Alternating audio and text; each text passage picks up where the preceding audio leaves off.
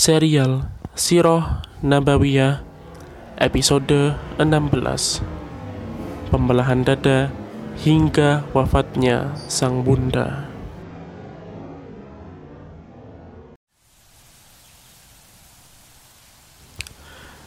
Bismillahirrahmanirrahim. Assalamualaikum warahmatullahi wabarakatuh. Selamat datang di Abu Umar Bercerita sebuah podcast tentang sejarah Islam dan hal lain yang dirasa penting. Teriring doa semoga teman-teman pendengar podcast Abu Umar bercerita selalu diberikan kesehatan, dilancarkan rezekinya, dan dimudahkan segala urusannya oleh Allah Subhanahu wa Ta'ala. Teman-teman bisa mendengarkan audio podcast Abu Umar bercerita melalui Spotify, Pogo FM, dan YouTube untuk konten berupa video lengkap dengan subtitlenya. Semoga teman-teman bisa mengambil hikmah dari setiap kisah yang akan kami sampaikan. Pernahkah kalian mengalami suatu peristiwa yang tidak masuk akal, tidak bisa diterima oleh nalar, aneh, atau ajaib? Lebih lanjut, bagaimana perasaan kalian jika kalian ditinggalkan oleh orang yang amat sangat kalian cintai? Orang tua kah? Anak kah? Atau pasangan mungkin? Sesuatu yang berat tentunya. Namun dua peristiwa itu sudah dialami oleh Muhammad kecil, bahkan sebelum beliau mencapai usia remaja.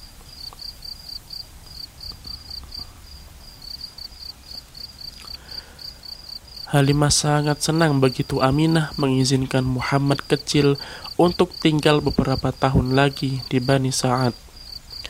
Sedih memang, tapi menyelamatkan anak tercinta satu-satunya dari wabah di kota Mekkah jauh lebih baik daripada menuruti egonya. Muhammad kecil pun menjalani hari-hari normalnya sebagaimana anak kecil pada umumnya bersama keluarga angkatnya di Bani Sa'ad. Hingga suatu ketika menginjak usia yang keempat, ketika itu Muhammad kecil sedang bermain dengan saudara-saudara angkatnya. Tiba-tiba muncullah dua orang laki-laki yang mengenakan jubah berwarna putih bersih. Mereka datang dan segera memegang tangan Muhammad tak berhenti di sana. Dibaringkannya badan Muhammad kecil, kemudian pakaian yang dilepas. Seketika hal yang tak disangka-sangka terjadi. Dada Muhammad dibelah oleh kedua orang itu. Dikeluarkanlah suatu dari dalam dada Muhammad, segumpal darah. Kemudian dicucilah benda itu dengan air yang sudah mereka siapkan di dalam bejana emas. Setelah selesai, mereka mengembalikan benda itu ke dalam dada Muhammad. Kemudian dadanya dijahit kembali dan tampak seperti tidak ada sesuatu yang terjadi. Ternyata kedua orang itu adalah malaikat yang ditugaskan oleh Allah untuk membelah dada Muhammad dan mengeluarkan hatinya untuk dicuci dengan air zam-zam yang berdada di bejana emas.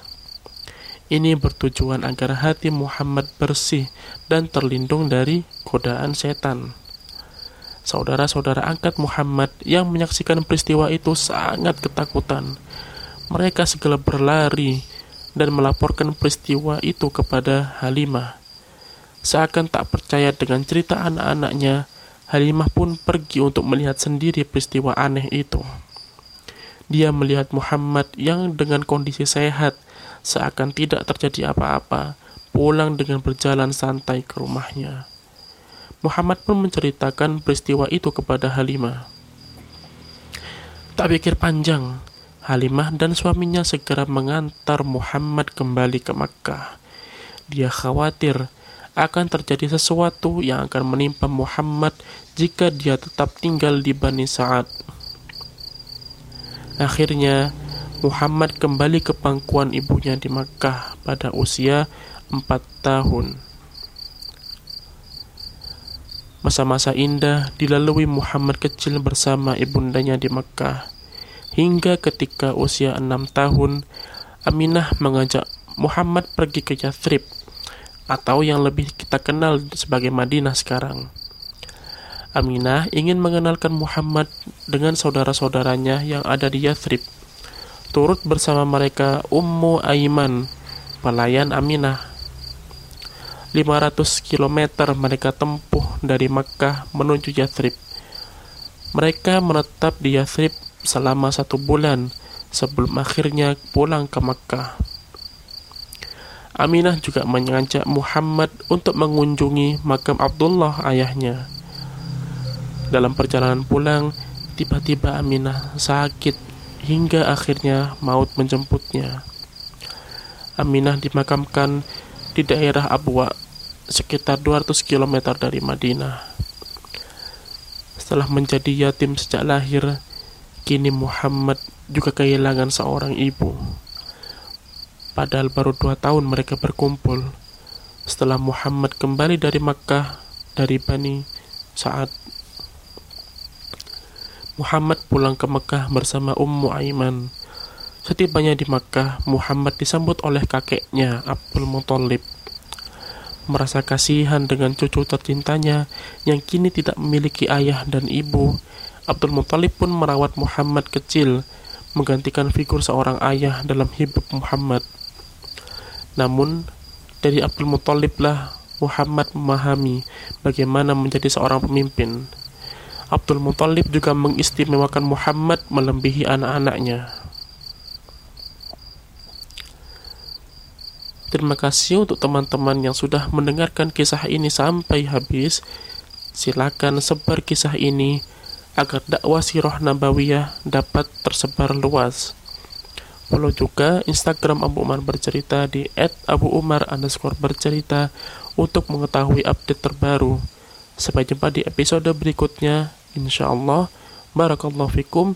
Assalamualaikum warahmatullahi wabarakatuh.